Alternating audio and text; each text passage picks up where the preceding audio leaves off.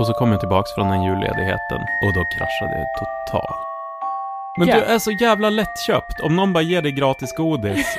om typ någon jävla nazist skulle ge dig gratis godis så skulle inte du skulle, våga jag skulle äta godiset dem. och sen skulle jag gå därifrån. Jobbar du som journalist? ja, som redaktör. Mm. Och det borde du ju inte göra.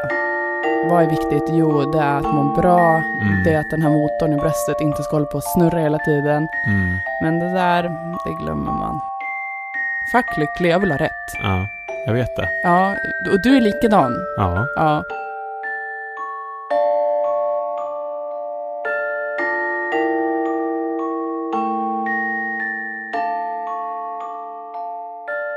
Hej och välkomna till Mörkret. Sveriges mest omplåstrande podcast för affekterade. Med mig Johan och dig Angelica. För ett år sedan, ungefär vid den här tiden på året, så tänkte jag bara jag orkar fram tills jag kan gå på julledighet nu. Vi, ha, vi hade börjat jobba ihop då, men jag vet inte hur mycket vi liksom pratade med varandra och så. Jag minns, jag minns att du var trött. Ja. Jag var väldigt trött och väldigt stressad. Eh, det var ju en ganska jobbig situation på vårt jobb liksom. Alltså, eh, våran chef var sjukskriven, långtidssjukskriven. En annan av chefspositionerna var inte tillsatt, eller var typ tillsatt, men hon skulle börja i februari tror jag. Eh, Den tredje chefen satt på en annan ort och var inte riktigt våran chef, eller så direkt. Och i princip den som någonstans fick så här, ta över och arbetsleda oss var ju en ideell person. Så egentligen kan man ju säga på många sätt att vi hade liksom ingen chef. Eh, Vi hade väldigt, väldigt mycket att göra. Eh, För mig har det varit så hela tiden när jag har jobbat ett årsskifte. Jag har haft liksom, ja, du vet ju det och att ha en deadline. Du har ju deadlines jättemånga gånger per år eh, eftersom du gör tidning. Men jag har liksom haft en skarp deadline eh, några dagar in i januari.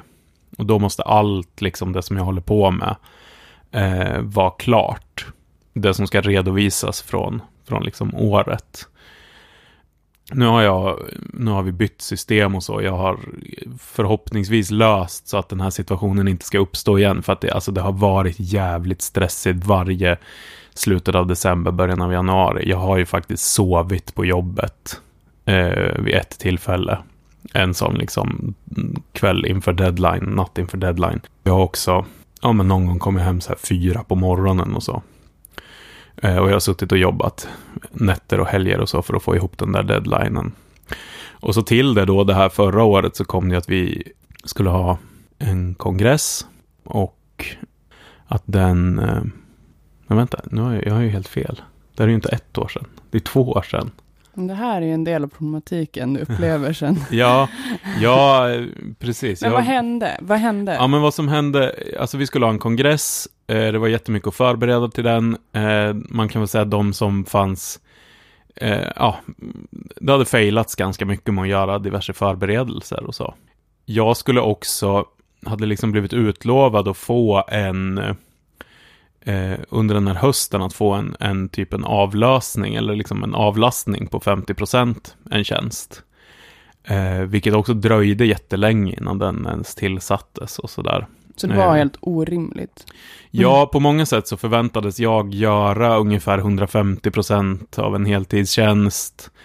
Eh, och till slut utan att då ha eh, egentligen någon chef överhuvudtaget och så. Mm. Men då minns jag hur jag där i december vid den här tiden ungefär tänkte om jag bara klara fram till jul. Liksom. Eh, Om du bara överlever fram till ju- alltså, om jag bara överlever fram till jul. Då kommer det här lösa sig liksom. För då ska jag vila. Då ska jag vila i två veckor. Och sen kommer jag vara tillbaka och ha liksom energi och kraft och så. Och så gick jag på julledighet. Och så kom jag tillbaka från den julledigheten. Och då kraschade jag totalt. Hur tog det sig uttryck? Alltså, jag mådde så jävla dåligt när jag kom tillbaks. Eh, jag hade jättestark ångest, jag hade stark ångest för att gå till jobbet. Jag började också upptäcka att jag hade liksom massa symptom egentligen på utbrändhet. Det som kanske tydligast märktes var ju en förlorad, ehm, eh, jag förlorade mitt korttidsminne typ. Jag kom inte ihåg vad jag höll på med.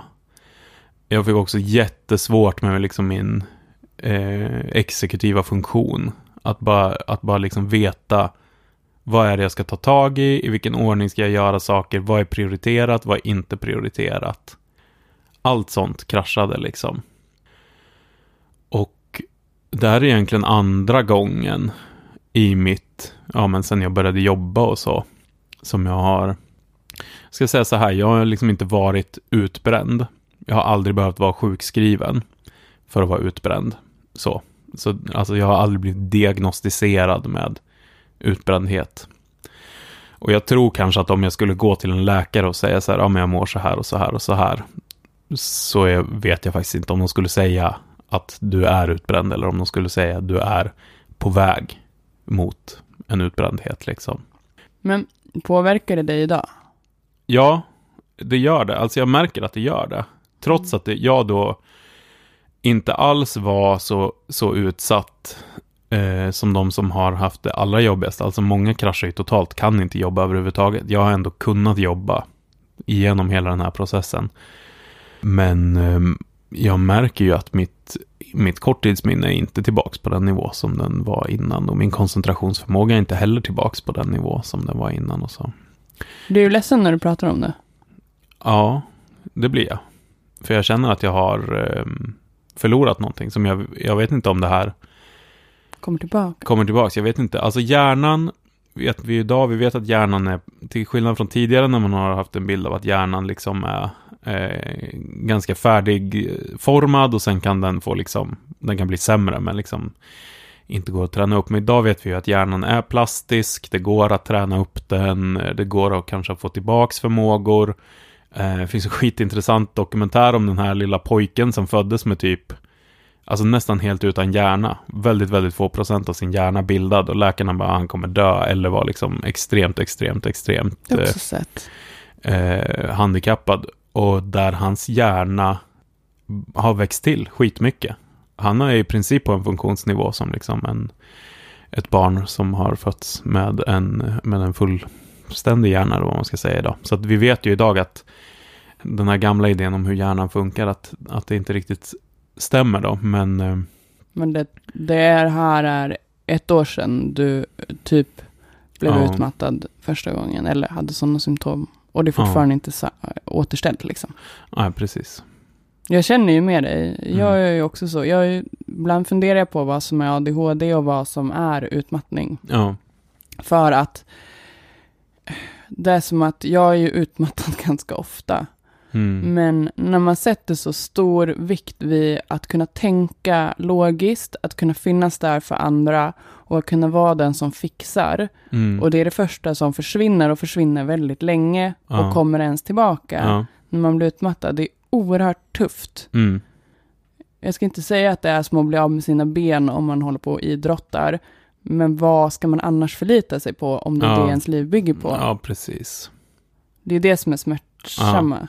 Ja, Och att folk runt omkring en är så här, ja, men varför kan du inte det här? Alltså folk runt omkring en blir ju frustrerade. mm, mm, mm, verkligen.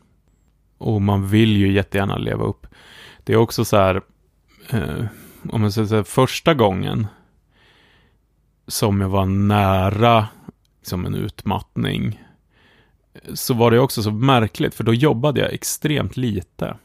Eh, det var under en period när jag var anställd på en halvtidstjänst. Så jag jobbade 20 timmar i veckan. Egentligen så fanns det ett behov som var mycket större än 20 timmar, men det var liksom inte fördelat jämnt över året, eller vad jag ska säga. Så under en period så löste jag, tyckte min chef att det var en bra idé att jag löste det genom att jobba eh, väldigt mycket, alltså ta, ta massa övertid. Eh, så jag hade jättemycket kompdagar, jag hade jättemycket plus flex. Och så var det bara så här, ja men ta ut så här jättemycket övertid och sen slutade den chefen och så och då bara typ, ja men du, nu måste du ta ut det här i form av ledighet. Eh, så med 20 timmar som liksom normalarbetstid och sen bara, ja, nu ska jag vara ledig, få, försöka få bort all den här eh, övertiden på, på några månader. Så då var ju jag på jobbet, alltså kanske 12 timmar i veckan. Två dagar, gång sex timmar liksom. Men samtidigt så fortsatte ju arbetsuppgifterna att vara ja, men minst 20 timmar i veckan och egentligen kanske mer. Vilket ju ledde till, alltså det var så himla konstigt för jag var bara hemma jättemycket och fick ju liksom, alltså fick ju lön för att vara hemma och vara ledig jättemycket. Men var samtidigt så himla eh, stressad och så himla nära att eh, bränna ut mig. Eh, mycket tror jag beroende just på att jag hade inte verktygen att klara av mina arbetsuppgifter liksom. Eh, och ingen som var beredd att Sen fick jag, sen det var en liksom period där vi hade en utan chef, sen fick jag en ny chef och hon var eh, faktiskt på det sättet väldigt bra att hon satte sig ner med mig och bara, alltså, jag har kollat i din arbetsbeskrivning och det här är ju bisarrt liksom. Du kan inte göra så här mycket. Alltså det där är man ju sällan med om. Jag ja. brukar vara den som sätter mig ner med mina chefer på olika jobb och säger, ja. kolla min arbetsbeskrivning. Mm. De bara, vad är det här för någonting? Jag bara, har ni inte läst den? Nej. Ja. Och så bara, tycker ni att jag ska göra allt det här? Ja, uh, ja men det kan du väl. Du får väl bara ha en annan inställning typ. Mm. Ja men det är alltid svaret. Mm. Ja men du är ju så högpresterande. Har du tänkt på att dra av lite på takten kanske? Och eh, dina krav på perfektionism. Man bara, men fast nu, kolla på min arbetsbeskrivning. Ja, jo men den innan dig klarar ju det här. Mm. Alltså så är alla, mm. min, alltså, alla mina samtal var med chefer. Fast jag i efterhand tänkt så här. Alltså ja, jag är så arg på arbetslivet. Jag tycker det är så himla dåligt. Unionen, fackförbundet Unionen är ju väldigt bra på det där att utbilda om, ja, så här gör du för att inte bli stressad eller utmattad. Och det har ju du pratat om mycket, att du tycker att det är fel. För att de ska hjälpa liksom ja. organisera. Kan Nej, men... vi berätta det här hemska nu... Du tycker det är hemskt, jag tycker att det var helt rimligt. Nej, ja fast Du var... är så konflikträdd i sådana här situationer Nej. alltså. Nej, kolla här. Vi var på jobbet. Mm. De organiserar liksom mycket av den ideella, ja, mm. eh, branschen. Och då var de där och så skulle de ha en föreläsning om stress. Mm. Och då var det en kvinna som jobbar där, jättetrevlig Johan. Mm. Och hon stod och bjöd på eh, godis och mm. jag gick fram och bara, oh, godis, började äta. Och då så säger du, hon säger så här, är, är du med i Unionen? Vad säger du då? Då sa jag, nej, jag är med i ett riktigt fackförbund. Mm. Jag alltså där med godis i munnen mellan er två och bara mm. slutar tugga och bara, ja, ja, vad var det som hände sen? Hon sa typ oj oj oj, hur, hur menar du då? Och då sa jag att nej men jag är med i ett fackförbund som faktiskt tar eh, strid för oss arbetare. För alltså unionen... Sen skrek du strejkbrytare! Nej, jag sa, nej jag sa väl att, eh, eller jag sa, jag sa faktiskt så här, ingenting ont om dig. Det här är inte personligt mot dig, men unionen är ett jävla gulfotsfack. Mm. Men alltså unionen har gjort så sjuka saker på vår arbetsplats. Alltså när de har varit och värvat så har ju, alltså så här, säga vad man vill om våra chefer. Men de har i alla fall aldrig ljugit för oss om hur arbetsrätt funkar. Men det har ju unionen gjort. Liksom rakt ut bara sagt saker som är falska. Om mm. hur eh, kollektivavtal funkar, hur eh, rätten till eh, förhandlingar funkar och så. Men kan vi återgå till att jag faktiskt fick gratis godis och stod mm. mitt i en tugga? Men du är så jävla lättköpt. Om någon bara ger dig gratis godis, om typ någon jävla nazist skulle ge dig gratis godis så skulle inte du jag skulle, våga Jag skulle äta godiset dem. och sen skulle jag gå därifrån. Nej, ja. det skulle jag inte om det var en nazist. Nej. Men jag, men du är alltid så här, du blir alltid typ, när vi gick på stan under valet så var du typ så här, Johan, gå inte och skrik åt de här borgarna nu liksom. Men är jag konstig för att jag inte vill att du ska stå och skrika vid valstugorna? ja, jag tycker det är lite konstigt. Ja. Jag är ju väldigt, i alla sådana privata relationer och så, eh, väldigt, jag vet inte om man ska säga konflikträdd, men tycker att det är ganska meningslöst med konflikter. Mm. Men politiska konflikter, där tände jag ju till på ingen tid alls. Var det inte du som hade blivit typ bortforslad av vakter en gång från torget? Ja, snuta. Det har väl hänt mer än en gång. För att du stått och skrikit åt, vad var det, abortmotståndare? Ja, jo, det var en gång. Då var det fyra poliser som fick bära bort mig för att det var några jävla äckliga kristna abortmotståndare som stod och visade bilder på så här döda foster och så. Vad gjorde du då? Jag skrek åt dem. Tills det kom poliser och bar iväg mig. Okej, men nästa gång kan inte jag få bara tugga upp? Alltså, så att jag slipper stå mellan och tugga liksom och känna mig som... Mm. Men grejen med den här Unionen-föreläsningen, det som gör mig så jävla förbannad är att hela den utgångspunkten är så här, hur ska du som individ lära dig att hantera ett stressigt arbetsliv? Istället för att kanske försöka vara ett jävla fackförbund som typ påverkar hur, hur arbetslivet faktiskt är. Ja, och det tycker jag är irriterande. Um, också. Men eh, jag vill, alltså, ja. Jag ville det är också så, typ, eh, gjorde mig skitprovocerad för att bara några veckor innan den här föreläsningen hade det kommit någon så här eh, forskning som bara, man kan typ inte med mindfulness och eh, lära sig andra mentala strategier så kan man inte undvika utbrändhet. Det som man måste göra i en situation där folk blir utbrända är att ändra eh, arbetsvillkoren, arbetsförhållandena. Om det är jobbet man blir utbränd av? Ja, precis. Men då åker Unionen ändå ut med en sån här jävla mental hälsa-coach som är helt ovetenskapligt liksom. Sant.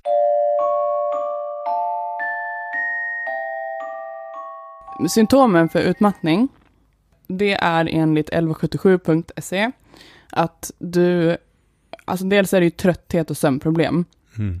Uh, du har ingen energi eller upplever en stor trötthet som inte går att vila bort. Mm. Mm. Alltså du har sovit och sen ja. så på morgonen så är det som att du inte har sovit. Ja, och under de här perioderna så hade ju jag jättesvårt att sova också. Det har jag inte, alltså jag har haft, alltid haft svårt att somna, men under de här perioderna så vaknade jag ju också. Mm. Hela tiden liksom. Det är också det, att du har svårt att somna på kvällen eller vakna många gånger under natten. Nu står inte det här, men jag tror mm. att det också är väldigt vanligt att vakna tidigt och börja ja. grubbla liksom. Ja. Eh, och att man känner sig utmattad. Eh, känslomässigt så är man väldigt lätt irriterad, orolig och mm. nedstämd. Mm. Eh, man har ångest, ofta. Eh, tankemässiga symptom, att man glömmer saker och svårt att koncentrera sig, har problem med att planera och genomföra uppgifter. Eh, fysiska besvär som eh, hjärtklappning, yrsel och mm. värk. Ja. Och du är väldigt känslig för ljud. Mm. Och du kan ha olika typer av magbesvär från magen eller tarmarna. Mm. Och det är också så här att man kan bli antingen så här gradvis, att du känner dig utmattad, väldigt trött, eller så kan det komma väldigt hastigt. Ja. Och det är väldigt vanligt att man är extremt stresskänslig och eh, har mycket skuldkänslor. Ja. Alltså jag har ju blivit så utmattad en gång att jag har haft svårt att eh, hitta, du vet, så här, det är det när man pratar om det här gå in i väggen-grejen, för det ser inte alltid ut så. Det kan ju vara att du bara är väldigt trött och mår väldigt mm, dåligt. Mm. Kanske också samtidigt är deprimerad. Mm. Men jag hade en sån, eh, när jag precis hade fått barn ja. och började jobba. Jag tror att jag hade slutat amma. Ja, jag höll på att sluta amma. Jobbade på ett jobb, eh, på Attention jobbade jag. Och så jag typ föreläste, jag gjorde jätte, jättemycket. Mm. Alldeles för mycket än vad jag, vad jag klarade av. Och liksom. Var det då du drog igång någon föräldragrupp och sånt också? Ja, föräldra, liksom. ja jag gjorde ju det. Mm. Alltså, jag startade ju företag och typ mm. um, jag startade företag och drog igång föräldragrupp och var med i massa medier. Och, mm. Alltså i Sverige, alltså det var, jag gjorde jättemycket när jag fick barn. Um, eller om jag bara fortsatte i samma takt. Nu skulle jag aldrig göra om det jag blev i alla fall väldigt eh, utmattad till slut. Och då var det här så här, jag kommer vi bodde på, ja men typ andra våningen. Jag kommer inte ihåg, jag stod i hissen och bara, är det andra våningen eller är det tredje våningen? Mm. Eh, och då hade vi bott där i typ fem år. Ja. Eh, jag var också typ eh, på så här Hemköp, på vårt lokala Hemköp, eh, hittade inte, typ, bara vart har de osten? Alltså, jag, alltså, mm. alltså det är som att eh, information föll bort liksom. Ja. Uh, och det var så himla obehagligt. Och jag har liksom sådana här olika grader själv. Alltså när jag typ uh, ska diska till exempel, eller laga mat, och det får mig att börja gråta för att det känns som ett alltså, oöverstigligt hinder, då har det gått väldigt långt. Mm. Men sen så är det ju en väg innan dit också, uh, där jag liksom rört mig nu den här hösten. Mm. Men det är ju det här att jag typ ofta så här, ja men det jag typ får lite så här känselbortfall i ansiktet. Mm. Det här och typ, um, ja men det sticker lite, så här, jag känner mig så här avdomnad vissa delar av kroppen. Mycket verk, eh, extremt ljudkänslig. Men det är också som sagt svårt, för jag rör mig alltid däremellan. Men, men den gången kommer jag ihåg, det var verkligen som att gå in i väggen.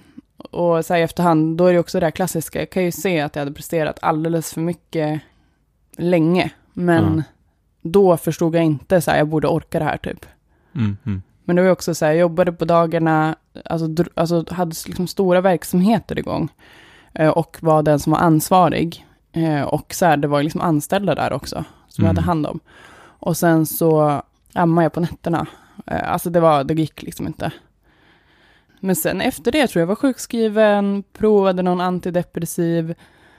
Och sen så började jag jobba på UNF. Och sen så hade jag nog ganska så här fundamentalt annorlunda förhållningssätt. Eh, väldigt mindful förhållningssätt till livet. Vad är viktigt? Det här, alltså jag kommer aldrig glömma det här, tänkte jag. Vad är viktigt? Jo, det är att må bra. Mm. Det är att den här motorn i bröstet inte ska hålla på att snurra hela tiden. Mm. Men det där, det glömmer man. Ja. Det är det som man inte, man tänker så här, det här kommer jag aldrig göra igen. Och sen bara, mm. mm vad är, är viktigast för mig mönster. nu i hösten 2018? Mm. Inte fan är det att träna och må bra. Nej. Jag har ju bara jobbat, jobbat, jobbat. Jag har jobbat alltså. oerhört mycket den här hösten. Ja, jag är förvånad över att jag fortfarande, jag borde inte jag må dåligare än så här, jag vet inte. Eh, alltså, nu vill jag då påpeka att du har migrän hela tiden. Ja, det är sant. Alltså, du, ja, nu går vi in djupt i det privata här, men det här har Nej, vi pratat det... om. Det är också det vi gör i den här podden, men vi har pratat om det många gånger den här hösten, du och jag. Och jag har varit med, jag har nästan varit mer orolig för dig än vad du har varit själv. Det är, också, det är också en grej som jag, jag behöver hålla ögonen för det är alltid så. Det är, alla andra märker det före mig. Ja. Det är jättemånga som säger så här, du måste stanna nu, mm. stopp mm. liksom. För det är ju det här när man väl börjar springa, när man får upp farten, och när man får upp den här jobbfarten, ja. där man bara löser grejer hela tiden. Mm. Det är alltså jättesvårt att stanna av efter ja. det. Ja. Och sen till slut vet man inte, då kommer man inte ihåg hur man sätter sig ner, vilar mm. och kollar på en film. Mm. Men du har ändå, jag upplever ändå att du för då har ju, det var ju till exempel där du skulle åka till Göteborg och du skulle göra massa saker, alltså i jobbet, som du ändå ställde in. Jag ställde in massa, och jag vill eh, inte jobba så här mycket framförallt. Jag var ganska sur också inför det. Inte på dig direkt, men på liksom att jag försökte, eh, ja men jag tyckte att eh, det var liksom orimligt, din arbetssituation. Ja. Det är svårt att prata om det här, för jag tycker att vi har bra chefer, men å andra ja, sidan ja. så ja. det är svårt, för jag har ju åkt så här, när jag hade min korsbandsskada, jag kunde mm. inte gå, då åkte jag till Örebro liksom, med kryckor, och så satt jag, men man behöver ju inte stå upp för att åka till Örebro. Alltså så här, Nej, precis. Nej, och jag tror inte ens det är ett chefsproblem eller så liksom. Eh, och jag har sett det här eftersom jag har haft ett antal av dina föregångare på samma post och så. Vi behöver inte gå in så jättemycket om exakt hur ni jobbar och så, men men det handlar ju om att du har lite olika uppdragsgivare och så. Mm. Och att det inte finns någon samordning och att jag som nu för tiden är facklig i, i ett riktigt fackförbund, eh, SAC, Syndikalisterna, till skillnad från Unionen då.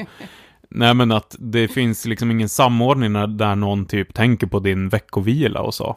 Nej. Alltså att man bara typ... Men, fast min chef gör ju det. Men... Din chef gör det, men sen har du andra som också uppdragsger dig och då ja. blir det fel. Ja, och sen ska jag. vi säga att jag jobbar ju på ett annat jobb också, så jag mm. jobbar ju mer än 100 procent. Ja. Och har ett litet barn ja. själv varannan mm. vecka. Men det som...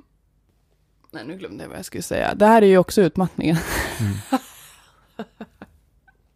Alltså, det, är så, när man, det är så många gånger per vecka som jag bara går runt mm.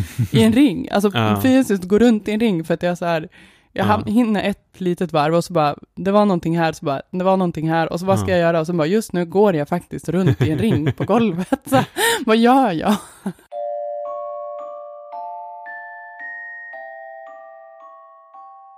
Men jag upplever ju, alltså det har ju hänt någonting med mig. Ja. I slutet av den här hösten. Jag har ju blivit effektiv igen. Alltså jag, jag tror att det är kombinationen av det här som vi har pratat om förut, pomodoros, kollektiva du... pomodoros. Alltså det, att man, det är ju det här eh, sättet att du jobbar 25 minuter och sen har du en 5 minuters paus och sen när du har gjort fyra sådana eh, perioder, då tar du en 20 minuters paus. Och så bestämmer du i början av varje 25 minuter, så här, vad är det jag ska göra under de här 25 minuterna egentligen? Och så jobbar du eh, aktivt med det, eh, koncentrerat liksom.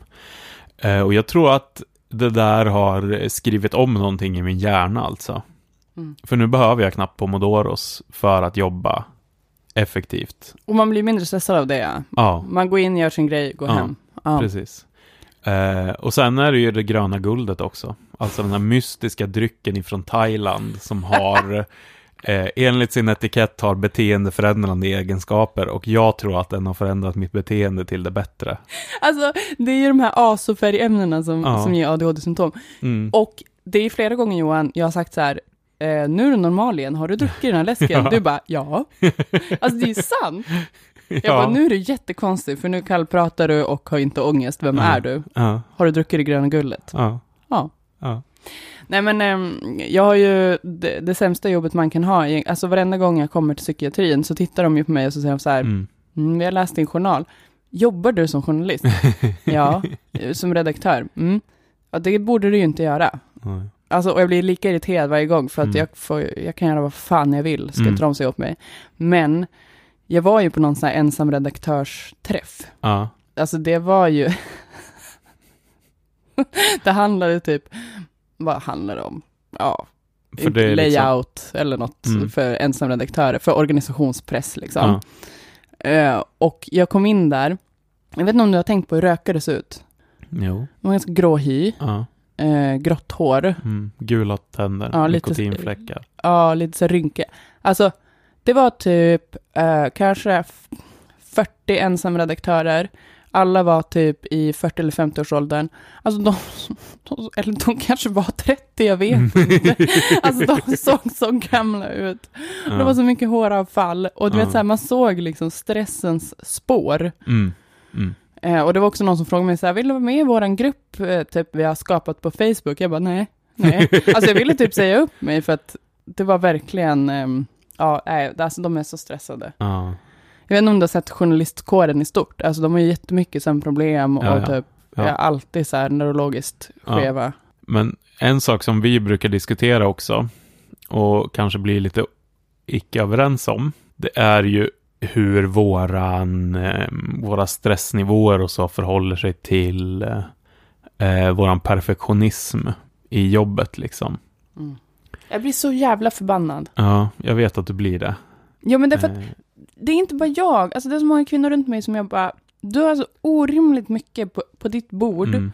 Och de blir alltid bemötta som att, ja men du är ju högpresterande och mm. du gör ju allting jättebra, du ja. måste sänka kraven. Ja. Det är så orelevant, eller irrelevant, alltså en chef ska då säga, då ska chefen avgränsa, inte hålla mm. på, alltså det där är att skulda. Och nu, mm alltså om någon säger det till mig nu, eller liksom senaste året, oavsett vart jag befinner mig, alltså det behöver inte ens vara på jobbet, om någon bara, du har ju så höga krav, alltså... Mm. Jag vet att du blir arg. Du blir arg på mig också. Samtidigt som jag försöker säga att så här, om du har den här budgeten till ett nummer av tidningen och sen har du din tidsbudget, alltså i form av hur många timmar du max kan jobba med den, då måste du ju du göra det bästa möjliga inom den ramen. Nej, jag kommer aldrig göra en dålig produkt. Ja, det, är, det är ju det här som är det återkommande problemet. För att jag vet liksom inte hur, alltså då löser du ju det med att jobba Mer. massa själv extra utanför arbetstid. Skarva lite med arbetstiden. Alltså, våra chefer lyssnar på det här Johan. Ja, just det. Angelica jobbar bara de timmar som hon har angivit i eh, tidsrapporteringssystemet. Min chef har ju sagt till mig, du får inte jobba mer helg än så här. Och om du jobbar mer än så här, då får du fan mm. göra det ideellt. alltså, så less är de på att jag ja. inte lyssnar. Men liksom, jag förstår inte. Du vill leverera, eller så här, jag förstår visst det, för jag är också perfektionist. Hur många gånger har jag sagt att då skiter vi i att göra den här podden. Om det, om, ja. För att jag blir så sur om typ någonting inte funkar. Eh, och inte bara att någonting inte funkar, utan att det inte funkar 100% så bra som jag vill att det ska funka. Fast jag kan, alltså, fast jag kan, alltså det här är ju en sak, det här måste ju också, det är ju problem för att jag tycker att det ska bli perfekt jämt mm. med podden, men det är ju ett problem för att jag skriver text som ska vara objektiv, det uh. måste stämma. Uh. Alltså jag kan inte, alltså det är, det är ju eh, brottsligt att skriva saker i ett journalistsammanhang som inte stämmer. Alltså mm. du kan ju bli fälld för saker. Mm. Och det handlar också om en produkts trovärdighet, så att mm. det måste vara korrekt. Och det som går i text, det måste ju bli bra. Och det är typ 5000 tidningar det kommer stå i. Ja. Jo, men du alltså, har... jag kan liksom inte... Jo, hur men du ska jag slarva också... med det? Det går inte. Nej, jag säger inte att du ska slarva, men du har ju väldigt, väldigt, väldigt höga krav på vilken kvalitet det ska vara. Det har du ju. Ja. Alltså titta på gamla motdrag från början. Det är ju, vad är det för jävla cirkus? Nej, Johan, sluta. alltså, men jag menar från så här runt 2000 eller sluta. något sånt. Ja, men det är ju kamratposten fast lite sämre Nej, liksom. Johan, sluta. Men det är ju så. Ja, men det är folk. Jag får skam. Oh. Ja. Okej, okay. ja men också, det är också det. Så här, det finns ju annat inom journalistiken som man kan slarva med då, som folk, många journalister säger så här, ja men jag hinner inte bolla min text med varje intervjuperson, mm. för att då kan inte jag göra mitt jobb. Mm. Jag, alltså, jag tänker inte bli en sån journalist, jag gör inte det. Nej, men vad ska du göra då? Ska du bränna ut dig då? Nej, men jag... Nej, men nu har jag ju strukturerat upp mitt jobb på mm. massa olika sätt. Ja. Som gör att det kommer bli mycket bättre och tagit bort grejer. Ja. Men det är ju fortfarande, man kan inte heja och så här bara, åh vad bra du gör och typ tjäna på, alltså som det har varit på andra jobb. De har tjänat på att jag har bränt ut mig och ja. sen när jag sagt att jag behöver hjälp, då eh, är det mitt mm. fel. Mm. Men mm. de har ändå stått och klappat händerna och hejat på vägen. Och så här tycker jag man gör med kvinnor hela tiden. Ja. Jag håller med. Sluta premiera det beteendet då. Mm.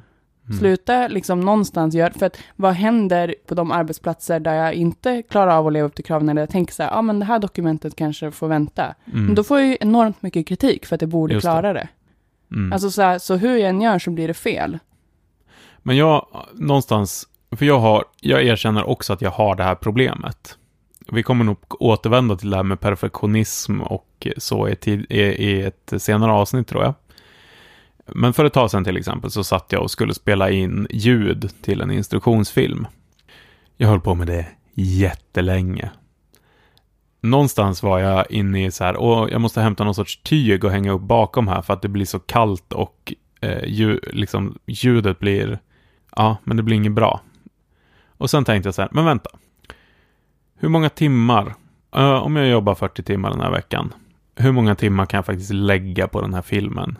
Hur många är rimligt liksom? Ja, det är kanske en timme som är rimligt. Nu har jag redan lagt jättemånga timmar på det här. Jag måste liksom bara göra... Det känns, det gör ont att leverera en, en film som ska finnas på nätet i framtiden. Där ljudet inte är bra. Men någonstans så får jag känna så här, ja, det är den tid jag har blivit given.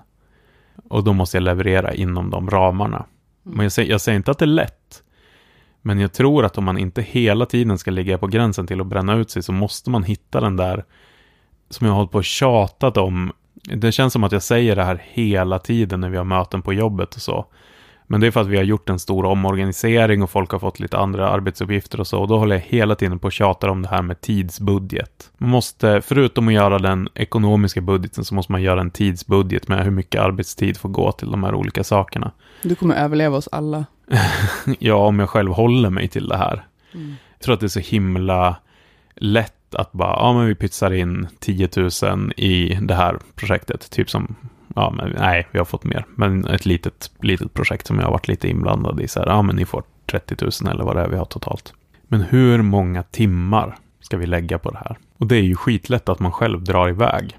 Mm. Också. Och där tror jag verkligen att man behöver bra, och, och det är jag väldigt glad att vi har idag, liksom bra chefer och bra ledarskap som bara, ja men det här är inte rimligt, sänk nivån, sänk ambitionerna. Vi hade i det här projektet jättehöga ambitioner till att börja med till exempel ja, vi ska gå in och göra de här skitcoola grejerna. Ja, fast ni får inte det. För att ni får inte lägga så mycket tid på det här som fast det jag, skulle ta. Fast jag klarar inte av, alltså, det handlar inte bara om att det ska bli perfekt. Det handlar om mm. att jag är så här, dopamindefekt i min hjärna. Så att om inte jag får liksom vara kreativ och så här, göra stora saker, då är det ja. jättesvårt att göra någonting alls. Ja. Du gör, gör ju stora saker. Ja. Du gör ju en hel tidning. Jo, men jag, jag, skulle vilja vara mer kreativ. Men det finns ju två olika sorters människor, tror jag. Det är mm, den här killar och tjejer. Nej, för fan vad hemskt. Nej, det är den här man säger så här, eh, vill du ha rätt eller vill du vara lycklig? Ja. Alltså jag vill ha rätt. Mm. Fuck lycklig, jag vill ha rätt. Ja, jag vet det. Ja, och du är likadan. Ja, ja. Och då, då får man ju, då, då får man ta att eh, man känner sig lite halv och skelögd och... Ja. Ja, men det gäller väl att hitta den balansen, tänker jag. Att, att faktiskt kunna fortsätta. Och att kanske faktiskt ligga på gränsen, men på rätt sida om gränsen. Liksom. Mm. Du och jag kommer nog alltid ha en risk. En högre risk för att bli utbrända än andra. Men det, det jag vet nu från förra gången, det är att dels har jag ett barn att tänka på och jag har förstått nu vidden av alltså hur mycket han får ta smällen om jag inte orkar. Ja. Eller allt annat, alltså bara jag orkar exakt bara med min son och inget annat. Det går liksom inte. Att jobbet är faktiskt inte allt. Jag är mycket snabbare att släppa så här, hur viktigt är det här egentligen. Mm. Mycket, mycket snabbare. Mm. Eh, för att jag har lärt mig det. Ja, ja jag, jag tycker faktiskt du har gjort det i höst också. Mm. Alltså nog för att jag har varit både irriterad och oroad och pratat med dig flera gånger om det här, men du har ju också släppt saker. Verkligen, och jag, det, alltså, om jag känner mig utmattad, det är inte som att ingen inte får höra. Jag har typ gråtit på mm. allas kontor. Alltså, ja. Och så här, nu, nu måste ni göra någonting. Mm. Alltså även när det är jag som har jobbat för mycket av mm. egen motor. Liksom. Mm. Men så här, när man kollar på mm, men, så här, hur det ser ut för chefer och hur det alltså det här att lägga tillbaka det och säga så här, ja men du har nog lite högre krav. Alltså mm. det är inte den anställdas ansvar. Eh, utan det är chefens ansvar att se till så att eh, de anställda mår bra mm. fysiskt och psykiskt. Mm. Det finns liksom ingen gråzon där. Nej, och kunna begränsa. Eh, också kunna säga vilken nivå man förväntar sig liksom och så. Jag tycker ju ibland att våran arbetsplats, eller våran orga, organisation, inte våran arbetsplats som arbetsplats, men organisationen som vi har arbetat för har ibland haft en tendens att vara så här, the sky is the limit liksom på något sätt. Ja, men det är ju ideella organisationer. Ja. ja, och vi brinner ju alla för det vi gör så himla mycket. Och tror på vår ideologi och tror på det vi gör och så. Också Vilk... att vår tid är medlemmars pengar. Ja. Det kommer man ju aldrig ifrån. Och Nej. det är ju så himla... Den pressen när man värderar medlemmar högt ja, ja. går ju liksom inte att komma ifrån heller. Ja, och man tycker att man gör så liksom viktiga saker och så. Samtidigt som det också på något sätt har varit, alltså jag vet inte om alls hur jag skulle ha klarat de här perioderna om jag jobbat med något annat liksom. Eller då kanske jag bara skulle sagt upp mig och blivit sjukskriven eller något sånt. Mm. Men jag har så himla tydliga minnen av när jag så här, egentligen båda de här perioderna, så, så liksom när jag gick av bussen, uppe vid busshållplatsen, och så gick jag ner mot jobbet. och började när jag gick ner mot jobbet må jättedåligt, alltså fick en stark ångestpåslag, liksom verkligen, jag vill inte gå in här, jag vill inte öppna min mailkorg och se att jag har tusentals mail obesvarade som kommit sen, alltså så här, du fattar. Men så tänkte jag så här, du vet i Simpsons, när eh, Homer, eh, så här, Mr. Burns ska typ eh, håna honom. Han, han måste börja jobba på eh, kärnkraftverket igen för att de har fått Maggie, sitt yngsta barn, liksom. så han, han kommer inte därifrån. Han vill inte jobba där. Och då sätter Mr. Burns upp någon skylt som är så här, You're here forever eller något sånt. Eh, men då sätter han upp så här massa bilder på Maggie. Så att skylten ändras till mm. eh, Do it for her. Och så tänkte jag så här, do it for them liksom. Alltså verkligen tänkte på våra medlemmar. Och eh, så här, ja, men det kanske känns eh, skitjobbigt att gå hit och göra det här. Men jag vet ju vad jag gör det för liksom.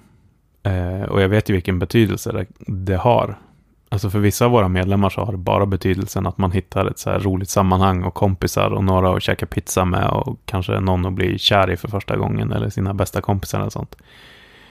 För vissa som... Svårt att prata om det här utan att gråta. Men... Ja, men jag gråter också. men för, för vissa så är ju det vi gör livräddande. Mm. Alltså förändra faktiskt folks liv. Eh,